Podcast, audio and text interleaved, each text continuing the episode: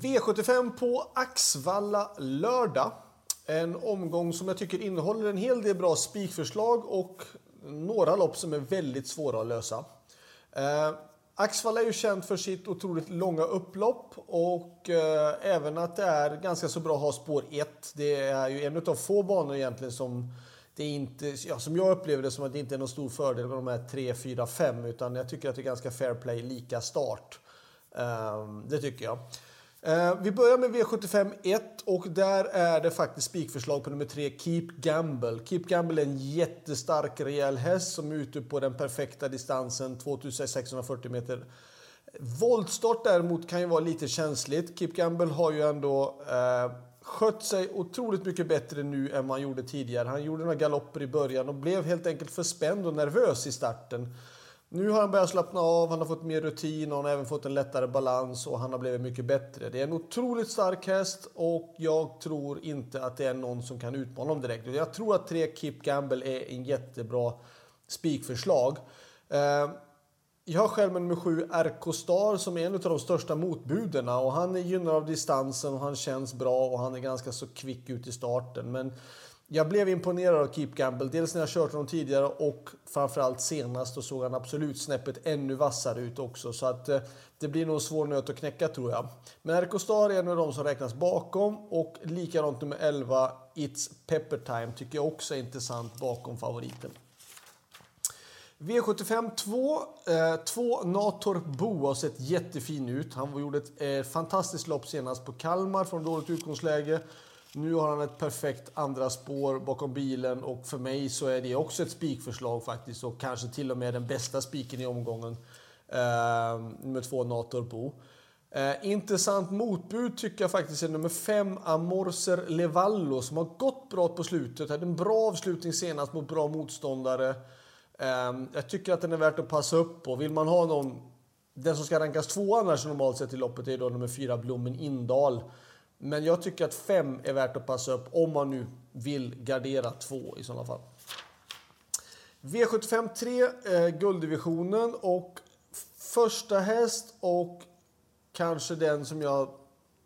Om jag nu ska göra ett jättelitet system så kan jag faktiskt kunna tänka mig att spika 6 emoji. Senast så blev han alldeles för pigg. Eh, från början hoppade då, hade han ju spår långt in. Den här gången har han ju då spår en bra bit ut.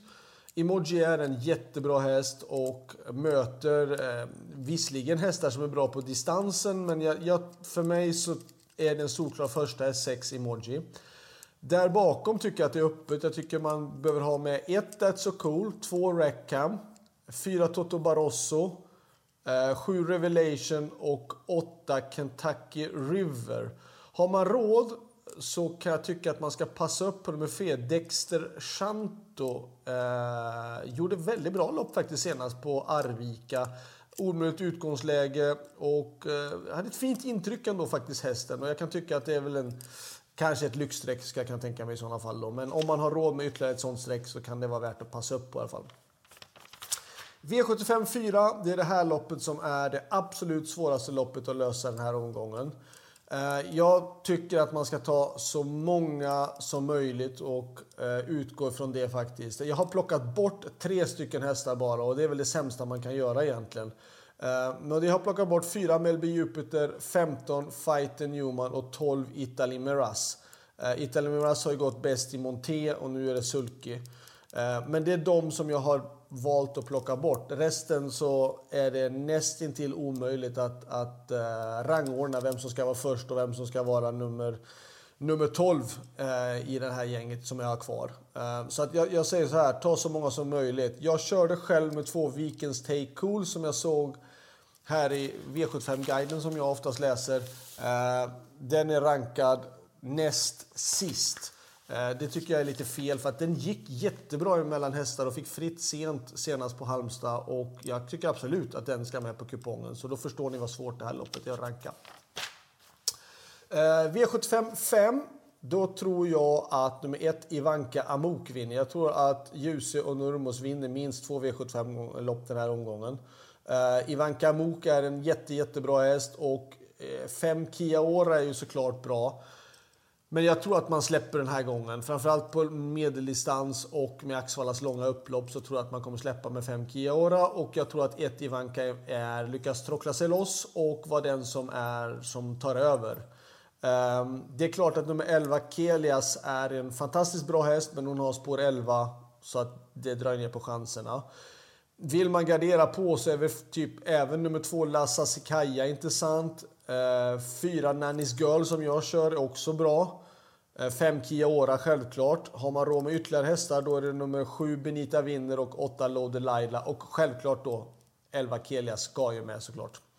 Men solklar första häst 1 Vanka Amok för min del. V75 6. Um, första häst nummer 3 Edelweiss. Edelweiss var imponerande bra när den vann på Solvalla för tre starter sedan. Eh, har fortsatt att göra bra lopp. Eh, har ett perfekt utgångsläge. Det man kanske kan sätta sig lite grann eh, frågande det är väl att jag tror att det blir övernattning den här gången och det kan ju lite grann, om inte hästen är van med det så kan ju det spela ett lite grann ett spratt. Men jag tror att Edelweiss är ett tänkbart spikförslag. I alla fall en bra häst och ett bra utgångsläge. Um, motbud, ja. 1. Herina Soto är intressant. 2. Judge D. 5. Frasse. 7. Kaxig In och 9 Anytime is now är väl de som är värst emot 3 i sådana fall. Så att, solklar första häst 3, där bakom 1, 2, 5, 7 och 9. V75 7. Spikförslag igen. Det finns många spikförslag den här omgången och det är nummer 10 Dodge Ass som är en otroligt bra häst. Eh, visst, man ska egentligen inte spika från spår 10 på 1600 meter bil. Eh, det kan jag tycka. Men hästen är otroligt bra och eh, gjorde ett väldigt bra lopp senast eh, mot en sån bra häst som Bia Superhero.